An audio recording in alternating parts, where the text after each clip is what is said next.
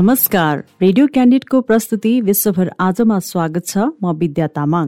विश्वभर आज radio candidate बयानब्बे दशमलव सात मेगा हर्ज रेडियो क्यान्डिडेटको आधिकारिक फेसबुक पेज र पोडकास्टमा समेत सुन्न सक्नुहुनेछ। विश्वभर आजमा हामी विश्वभर घटेका ताजा र विशेष घटना समेटेका समाचार सामग्री प्रस्तुत गर्दै आएका छौं। विश्वभर आज हरेक दिन बेलुका आठ बजेको क्यान्डिड फटाफटपछि प्रसारण हुन्छ।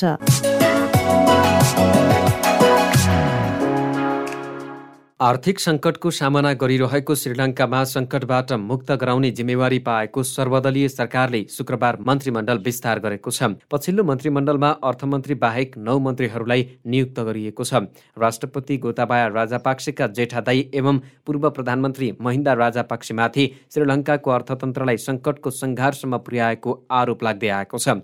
केही समय अघि तीव्र सरकार विरोधी प्रदर्शनमाझ उनले राजीनामा दिएका थिए। उनको स्थानमा प्रधानमन्त्री रनिल विक्रमा सिंघेले यस महिनाको सुरुमा प्रधानमन्त्रीका रूपमा पदभार ग्रहण गरेका थिए। विक्रमा सिंघेले अघिल्लो मन्त्रीमण्डल विघटन भएपछि गठबन्धन सरकार बनाउने प्रतिबद्धता जनाउँदै नेतृत्व सम्हालेका थिए। राजधानी कोलम्बोमा कडा सुरक्षाबीच सरकारी निवासमा राष्ट्रपति गोताबाया राजापाक्से सामु स्वास्थ्य शिक्षा र न्यायका लागि नयाँ मन्त्रीहरूलाई शपथ खुवाइएको त्यहाँको सरकारले जानकारी गराएको छ। मुख्य विपक्षी समागी जन वाल बेगया एसजेबी पार्टीका दुई विधायकले नयाँ सरकारमा सामेल हुन आफ्नो पार्टी परित्याग गरेका छन्। अर्को विपक्षी दल श्रीलङ्का फ्रिडम पार्टीले राष्ट्रपति राजापाक्सेलाई समर्थन गर्न सहमति जनाएको छ र यस दललाई पनि नयाँ मन्त्रीमण्डलमा सामेल गरिएको छ। कर्जाका लागि अन्तर्राष्ट्रिय मुद्राकोष आइएमएफसँग महत्त्वपूर्ण वार्ताका लागि जिम्मेवारी सहित आउने अपेक्षा गरिएको अर्थमन्त्रीको नियुक्ति भने नयाँ मन्त्रीमण्डल विस्तार हुँदा पनि खाली राखिएको छ। प्रधानमन्त्रीको कार्यालयले अन्तर्राष्ट्रिय समाचार संस्था एएफीलाई जानकारी गराए अनुसार उक्त जिम्मेवारी तोक्नका लागि अर्को हप्तासम्म लाग्नेछ। अर्थमन्त्रीको नियुक्तिमा ढिलाइ हुँदा आइएमएफसँग वार्ताका लागि बाधा पुग्न सक्ने श्रीलङ्काको केन्द्रीय बैङ्कका प्रमुखले बिहिबार चेतावनी दिएका थिए। खाद्यान्न इन्धन र औषधि जस्ता अत्यावश्यक आयातलाई समेत धान्न नसक्ने अवस्थामा रहेको श्रीलङ्का सरकारले विदेशी मुद्राको अत्याधिक अभाव झेलिरहेको छ। दुई करोड बिस लाख जनसङ्ख्या भएको यस दक्षिण एसियाली मुलुकले महिनौदेखि गम्भीर आर्थिक कठिनाई भोग्दै आएको छ। उपभोक्ताले पेट्रोल डिजेल र खाना पकाउने ग्यास पाउन सकेका छैनन् भने चामल पिठो जस्ता आधारभूत खाद्यान्न लगायतका सामान समेतको अभाव झेलिरहेका छन्। यस देशमा लामो समयदेखि मुद्रास्फीति र दैनिक रूपमा आवश्यक बिजुलीको पनि अभाव हुँदा घन्टौँ लामो लोड सेडिङ पनि भइरहेको छ। पेट्रोल अभावले देशभर यातायात सेवामा समस्या भएकाले सरकारले साप्ताहिक विधा बाहेक शुक्रबार पनि कार्यालय र विद्यालय बन्द गर्ने निर्णय गरेको छ। अधिकारीहरूले भने सरकारले यस सप्ताह कोलम्बो बन्दरगाहमा आइपुगेको पेट्रोल ढुवानीको लागि आवश्यक पाँच करोड तिस लाख अमेरिकी डलर जुटाएको दावी गरेका छन्। सप्ताहन्तमा खुद्रा रूपमा आधारभूत सामानहरूको आपूर्ति गर्न पम्पिङ स्टेसनहरू खोल्न सकिने बताइएको छ। श्रीलङ्काको केन्द्रीय बैङ्कले मुलुकको एकाउन्न अर्ब डलरको बाह्य कर्जा पुनर्संरचना ग्यारेन्टी नभएसम्म कम्तीमा अर्को छ महिनाका लागि वैदेशिक ऋण चुक्ता गर्न नसक्ने घोषणा गरेको छ।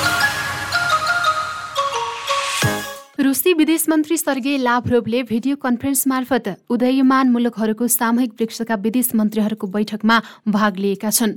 युक्रेनमा रुसी आक्रमण जारी रहेका बेला रुसी विदेश मन्त्री सर्गे लाभ्रोभले ब्रिक्सका विदेश मन्त्रीहरूको बैठकमा सहभागी भएका हुन्।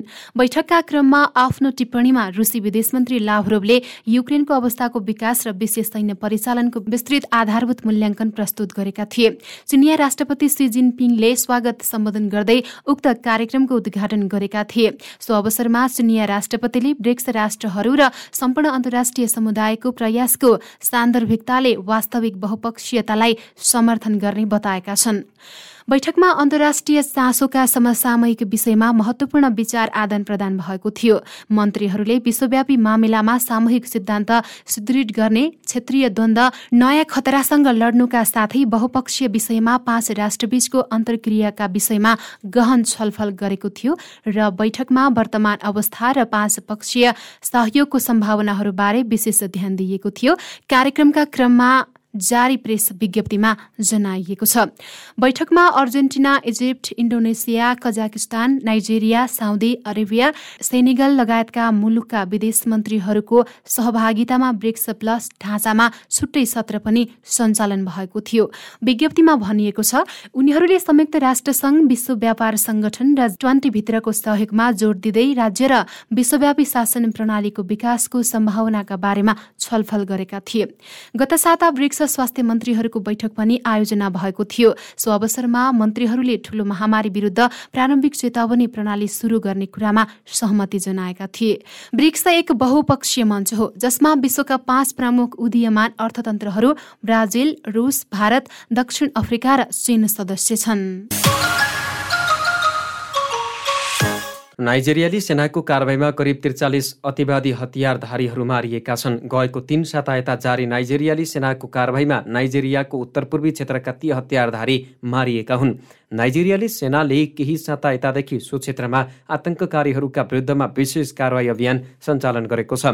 नाइजेरियाली सेनाका प्रवक्ता ओर्नाड ओनिएकुले दिएको जानकारी अनुसार सो क्षेत्रमा सेनाले गएका केही हप्तादेखि कारवाही जारी राखेको छ र त्यस क्रममा गएको तीन हप्ता यता मात्र त्रिचालिसजना अतिवादी हतियारधारी मारिएका छन्। साथै यस अवधिमा सेनाले कम्तीमा बिसजना हतियारधारीलाई पनि पक्राउ गरेको जनाएको छ। त्यस्तै अपहरणमा परेका अरू त्रिसठीजनालाई पनि सेनाले मुक्त गरेको दावी गरिएको छ। उनीहरूलाई सो क्षेत्रमा आतंक मचाइरहेका हतियारधारीहरूले अपहरण गरी लगेका थिए। अपहरणकारीको कब्जामा रहेका बन्दीहरूलाई मुक्त गराइएको पनि सैनिक प्रवक्ता बर्नाडले जानकारी दिए। भारतका प्रधानमन्त्री नरेन्द्र मोदी अर्को हप्ता जापान भ्रमणमा जाने भएका छन्। यही मे चौबिसमा जापानको राजधानी टोकियोमा हुने लिडर्स समिटमा सहभागी हुन उनी जापान जान लागेका हुन्। सम्मेलनमा जापान र अस्ट्रेलियाका समकक्षी र अमेरिकाका राष्ट्रपति लगायतसँग उनले भेटवार्ता गर्नुहुने अधिकारीहरूले जनाएका छन्। मोदीको भ्रमणका बारेमा भारतको विदेश मन्त्रालयको नियमित साप्ताहिक पत्रकार सम्मेलनका क्रममा बिहिबार जानकारी दिइएको हो। यो सम्मेलन अहिले चौथो पटक हुन लागेको जनाए जनाइएको छ। सम्मेलनमा आपसी हित साझा चासो अन्तर्राष्ट्रिय तथा क्षेत्रीय चासो लगायतका विषयमा छलफल हुने जनाइएको छ। चीनका राष्ट्रपति सी जिनपिङले सबैको सुरक्षाका लागि विश्वव्यापी समुदाय निर्माण गर्न मिलेर काम गर्नु अपरिहार्य भएको बताउँदै त्यसका लागि ब्रिक्स राष्ट्रहरूलाई आह्वान गरेका छन्। ब्राजिल रुस भारत चीन र दक्षिण अफ्रिका सदस्य रहेको ब्रिक्स राष्ट्रका विदेश मन्त्रीहरूको बैठकको उद्घाटन सत्रमा भिडियो सम्बोधन गर्दै सीले यस्तो टिप्पणी गरेका हुन्। विश्व इतिहासमा एक शताब्दी यता नदेखिएको महामारी तथा अन्तर्राष्ट्रिय क्षेत्रमा उत्पन्न अस्थिरता अनिश्चितता र असुरक्षाका कारकहरू बढ्दै गएकाले ब्रिक्स राष्ट्रहरूलाई एकजुट हुन उनले आग्रह गरेको जनाइएको छ। शान्ति र विकास वर्तमानको अपरिवर्तित विषय हो। अन्तर्राष्ट्रिय समुदायको साथ सहयोग र ऐक्यबद्धता आवश्यक छ उनले भने। अन्तर्राष्ट्रिय समुदायमा सकारात्मक प्रेरणादायी र रचनात्मक शक्तिको रूपमा ब्रिक्सका सदस्य देशले दृढतापूर्वक काम गर्नुपर्ने तथा अन्तर्राष्ट्रिय सम्बन्धमा स्थायित्व शान्ति र विकासको प्रवर्धन निष्पक्षता न्याय लोकतन्त्र एवं स्वतन्त्रताको समर्थन आवश्यक भएको पनि राष्ट्रपति सीले बताए। अरूको खर्चमा आफ्नो सुरक्षा खोज्दा नयाँ तनाव र जोखिम मात्रै सिर्जना हुने बताउँदै राष्ट्रपति सीले विश्वमा साझा सुरक्षा प्रवर्धन गर्न विश्वव्यापी सुरक्षा प्रयास उपयोगी हुने विचार व्यक्त गरे। ब्रिक्स देशहरूले राजनीतिक रूपमा पारस्परिक विश्वास र सुरक्षा सहयोग सहयोगलाई सुदृढ गर्न प्रमुख अन्तर्राष्ट्रिय तथा क्षेत्रीय मुद्दाहरूमा निकट सम्पर्क कायम गरेर एक अर्काको सार्वभौम सत्ता सुरक्षा र विकासका लागि सुरक्षाको विश्वव्यापी समुदाय निर्माण गर्ने उनको भनाइ छ। उनले शीत युद्धको मानसिकता र टकरावबाट मुक्त हुनुपर्नेमा पनि जोड दिएका छन्। अहिलेको जोखिम र चुनौतीपूर्ण परिस्थितिमा विकासोन्मुख देशहरूले समृद्धिका लागि पारस्परिक एकता र सहयोगलाई अझ बलियो बनाउनुपर्छ। आपसी समझदारी एवं विश्वास बढाउन सहयोगका क्षेत्रलाई बढाउन तथा आपसी हित प्रबन्धन अभिवृद्धि गर्नुपर्छ उनले भने। पाकिस्तानले अति आवश्यक रहेका बाहेकका तथा विलासिताका सामानहरूको आयातमा रोक लगाएको छ। पाकिस्तान सरकारले ती सामानहरू आयातमा रोक लगाएको आज जानकारी दिएको हो। यसरी आयातमा रोक लगाइएका सामानहरू तीन दर्जनभन्दा बढी रहेका पनि बताइएको छ। सरकारले आर्थिक संकटको निकासका लागि विभिन्न कार्यक्रमहरू सञ्चालनमा ल्याएको छ। पाकिस्तान सरकारले आर्थिक संकटको समाधान सम्बन्धी कार्यक्रमहरू ल्याएको छ। त्यहाँ पनि आर्थिक संकट उत्पन्न हुन सक्ने संकेतहरू देखिएको भन्दै सरकार सरकारले आर्थिक सुधारका कार्यक्रमहरू ल्याएको हो। त्यसै क्रममा त्यहाँको सरकारले शुक्रबारदेखि यस्ता सामग्रीहरू आयात गर्ने काममा रोक लगाएको पाकिस्तानी सूचना तथा प्रसारण मन्त्रीले जानकारी दिएका हुन्। मन्त्री मारिम औरङ्गजेबले पाकिस्तानको आर्थिक अवस्थामा पनि संकट आइपर्ने संकेतहरू देखिन थालेको भन्दै यसका लागि देशवासीहरूले त्यसमा सहयोग गर्नुपर्ने बताएका छिन्। उनले देशको आर्थिक अवस्थामा अप्ठ्यारो आउन लागेकाले पाकिस्तानका सबै नागरिकको सहयोग आवश्यक रहेको पनि बताएकी छिन्। उत्तर एटलान्टिक सन्धि संगठन नेटोका महासचिव एन्स स्टोल्टेनबर्गले सैनिक गठबन्धनमा सामेल हुन फिनल्यान्ड र स्विडेनले दिएको आवेदनका विषयमा टर्कीले उठाएका चिन्तालाई सम्बोधन गर्ने बाचा गरेका छन्। हामीले टर्कीले व्यक्त गरेको चिन्तालाई सम्बोधन गर्दैछौ। उनले डेनमार्कका प्रधानमन्त्री मेटे फ्रेडरिकसनसँग संयुक्त रूपमा आयोजित पत्रकार सम्मेलनमा बोल्दै उक्त टिप्पणी गरेका हुन्। फिनल्यान्ड र स्विडेनले नेटो सदस्यताका निम्ति हालै आवेदन गरेका छन्। स्टोल्टेनबर्गले फिनल्यान्ड र स्विडेनले नेटोमा सामेल हुनका लागि दिएको निवेदन आवेदनहरूलाई सबै सहयोगीहरूको सुरक्षा चासोलाई ध्यानमा राख्नुपर्ने आवश्यकताको रूपमा समन्वयात्मक रूपमा निर्णय र व्यवस्थापन गरिने बताएका छन्। सो अवसरमा उनले नेटो फिनल्यान्ड स्विडेन र टर्कीसँग नजिकको सम्पर्कमा रहेको पनि उल्लेख गरेका छन्। टर्कीका राष्ट्रपति रेसेप तैयब इर्दोगानले टर्कीमाथि प्रतिबन्ध लगाएका फिनल्यान्ड र स्विडेनले नेटोमा आवेदन दिएका विषयमा आफू सहमत नहुने बताएका छन्। टर्कीले कुर्दिस्तान बर्कस पार्टी र सिरियामा कुर्दिस लडाकु समूह पिपुल्स डिफेन्स युनिटलाई उल्लेख गर्दै दुवै राष्ट्रले आतंकवादी संगठनलाई समर्थन गरेको आरोप लगाएको छ। रुसले स्विडेन र फिनल्यान्डलाई नेटोमा सामेल नहुन बारम्बार चेतावनी दिँदै आएको छ। रुसले यस्तो कदमलाई बाल्टिन बाल्टिक सागर क्षेत्रमा आफ्नो प्रतिरक्षालाई बलियो बनाएर सैनिक सन्तुलन पुनस्थापना गर्न बाध्य पार्ने पनि बताएको छ। र दक्षिण कोरियामा कोरोना भाइरसका संक्रमितहरू बिस्तारै घट्दै गएको देखिएको छ। दक्षिण कोरियाली अधिकारीहरूले दिएको जानकारी अनुसार गएको चौबिस घण्टाको समयावधिमा त्यहाँ पच्चिस जना कोरोना भाइरसका संक्रमित फेला परेका छन्। दक्षिण कोरियामा यसअघि दैनिक लाखौं कोरोनाका संक्रमित देखिएकोमा पछिल्ला केही साता यता भने घट्दै गएको पाइएको हो। त्यहाँ पच्चिस हजार एक सय पैंतिस जनामा कोरोना देखिएको पाइएको छ। त्यहाँ अघिल्लो दिनको तुलनामा संक्रमितहरू घटेका हुन्। अघिल्लो दिन मात्र त्यहाँ अठाइस हजार भन्दा बढी संक्रमित भेटिएका थिए।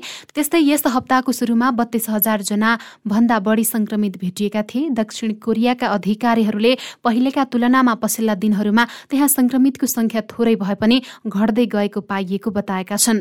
यो सँगै कुल संक्रमितको संख्या एक करोड उनासी लाख भन्दा बढी पुगेको स्वास्थ्य अधिकारीहरूले जनाएका छन्। दक्षिण कोरियामा यहाँ अस्पताल भर्ना हुने कोरोना भाइरसका संक्रमितको संख्या भने न्यून छ। त्यस्तै कोरोना भाइरसको संक्रमणका कारण हुने मृत्यु दर पनि दक्षिण कोरियामा कम रहेको जनाइएको छ।